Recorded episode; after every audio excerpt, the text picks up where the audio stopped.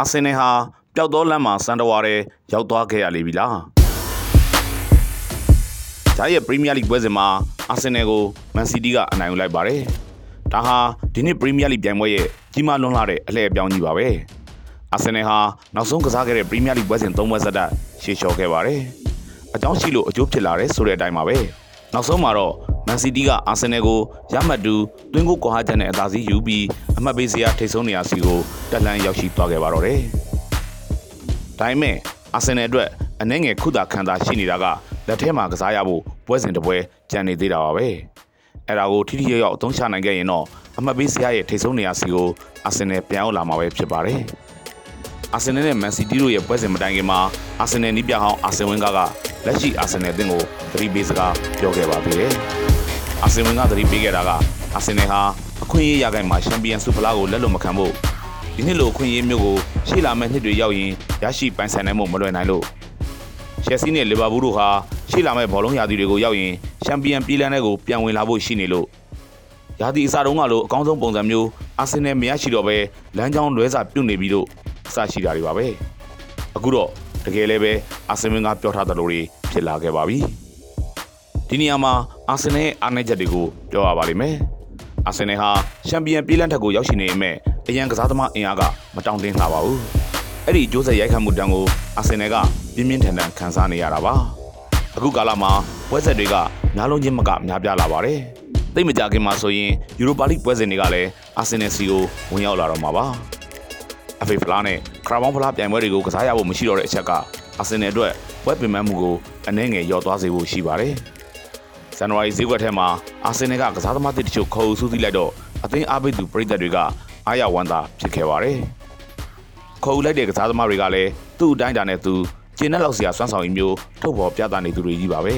။ဒါပေမဲ့အသင်းနဲ့အံဝင်ခွင့်ကြချက်ချင်းမဖြစ်ခဲ့လို့အာဆင်နယ်ဟာအခုလိုမျိုးတပွဲပြီးတပွဲတော့ကပွေလာခဲ့ရတာပဲဖြစ်ပါတယ်။အာဆင်နယ်ရဲ့အားနည်းချက်တွေပြီးမှတော့အားသာချက်တွေကိုပြောရဖို့ရှိနေပါတယ်။အခုနှစ်ပရီးမီးယားလိချန်ပီယံပြေးလန်းထဲမှာ အာဆင်နယ်နဲ့မန်စီးတီးတို့ပဲရှိလို့နေတာပါ။မန်ယူနဲ့နယူကာဆယ်တို့ကပုံစံကောင်းတွေထုတ်ဖော်ပြသနေပေမဲ့ချန်ပီယံဆုကိုချင်းချောင်းနိုင်တဲ့အထိဖြစ်လာဖို့ရှိမနေသေးပါဘူး။ဒီနေရာမှာတိုင်ဘက်ရဲ့အားနည်းချက်ကကိုယ့်အတွက်အားသာချက်ဖြစ်လာနိုင်စရာရှိနေတဲ့အနေအထားကိုထည့်ပြောဖို့လိုအပ်လာပါတယ်။မန်စီးတီးဟာပရီးမီးယားလိဂ်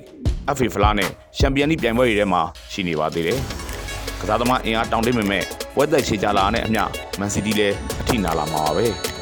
အဲ့ဒီချိန်ကာလကိုထိထိရောက်ရောက်အသုံးချနိုင်ခဲ့မယ်ဆိုရင်အာဆင်နယ်အတွက်အခွင့်အလမ်းကောင်းတွေဖြစ်ပေါ်လာဖို့ကချိန်သိနေပါတယ်။ဒီနှစ်ဘောလုံးရာသီမှာကမ္ဘာဖလားပြိုင်ပွဲကြီးကကြားဝင်လာတဲ့အတွက်ကမ္ဘာဖလားပြိုင်ပွဲအပြီးပွဲဆက်များမှုတွေဖြစ်ပေါ်လာတဲ့အခါအသင်းအများစုကအထိနာလာတော့တာပါပဲ။အထူးသဖြင့်အရန်အင်အားမတောင့်တင်းတဲ့အသင်းတွေကပွဲသက်ချေကြလာတော့ဒုက္ခများလာပါတော့တယ်။လက်ရှိချိန်မှာအာဆင်နယ်နီးပြအာဒီတာဘက်ကအသင်းသားတွေအတွက်စိတ်ဓာတ်မြင့်နေပိုင်းဆိုင်ရာဆောင်ရွက်နိုင်မှုလိုအပ်နေပါတယ်။ ဘာကြောင့်လဲဆိုတော့အာဆင်နယ်ကစားသမားအများစုကလူငယ်လေးတွေဖြစ်နေလို့ပါပဲ။လူငယ်ကစားသမားတွေလမ်းပြောက်သွားပြီဆိုရင်အဲ့ဒီရှေးတွေကိုကုစားရတာကနီးပြတွေအတွက်တာဝန်ကြီးလာပါတယ်။ဝိုင်းရင်ကစားသမားတွေတောင်မှတချို့သောဂျင်းတဲ့ချက်ထဲကိုရောက်သွားပြီဆိုရင်ဖိအားများပြီးလောက်တိုင်းမဖြစ်တော့တာတွေအများကြီးပါပဲ။လက်ရှိမှာအာဆင်နယ်လိုအပ်နေတာကစစ်တပ်ပိုင်းဆိုင်ရာယုံကြည်ချက်ပြန်လည်တည်ဆောက်မှုပဲဖြစ်ပါတယ်။အဲ့ဒါကိုနီးပြအာဒီတာအနေနဲ့အမြန်ဆုံးပြန်လုပ်ရမှာပါ။ရမှတ်လေလွင့်မှုကတ ပွဲကနေနှစ်ပွဲနှစ်ပွဲကနေသုံးပွဲဖြစ်သွားပြီးတဲ့နောက်အာဆင်နယ်ရဲ့စိတ်အနာတရားဟာ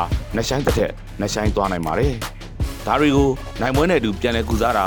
ငါတို့မှာအခွင့်အရေးရှိနေသေးတယ်ဆိုတော့စိတ်ယုံကြည်ချက်ထည့်သွင်းပေးတာတွေအာဒီတာပြန်လုပ်ရပါလိမ့်မယ်။သေချာတစ်ခုကတော့အာဆင်နယ်ဟာပျောက်တော်လမ်းမှာစံတော်ဝါဖြစ်နေချပြီဆိုတာပါပဲ။မနစ်တုန်းကချန်ပီယံလိဝင်ခွင့်တရရစာရရှိဖို့အတွက်အနည်းဆက်ဆုံးဖြစ်ပြီးတဲ့နောက်မှာအလွယ်လွယ်အလျော်လျော်ဖြစ်ခဲ့ရသလိုအခုနှစ်မှာလည်းချန်ပီယံပြေးလန်းထက်အ ကောင်းဆုံး6လမ်းပြီးမှရှေ့ချော်တာမျိုးမဖြစ်ရလေဖို့အတွက်အာဆင်နယ်လှုပ်ဆောင်နိုင်ရပါလိမ့်မယ်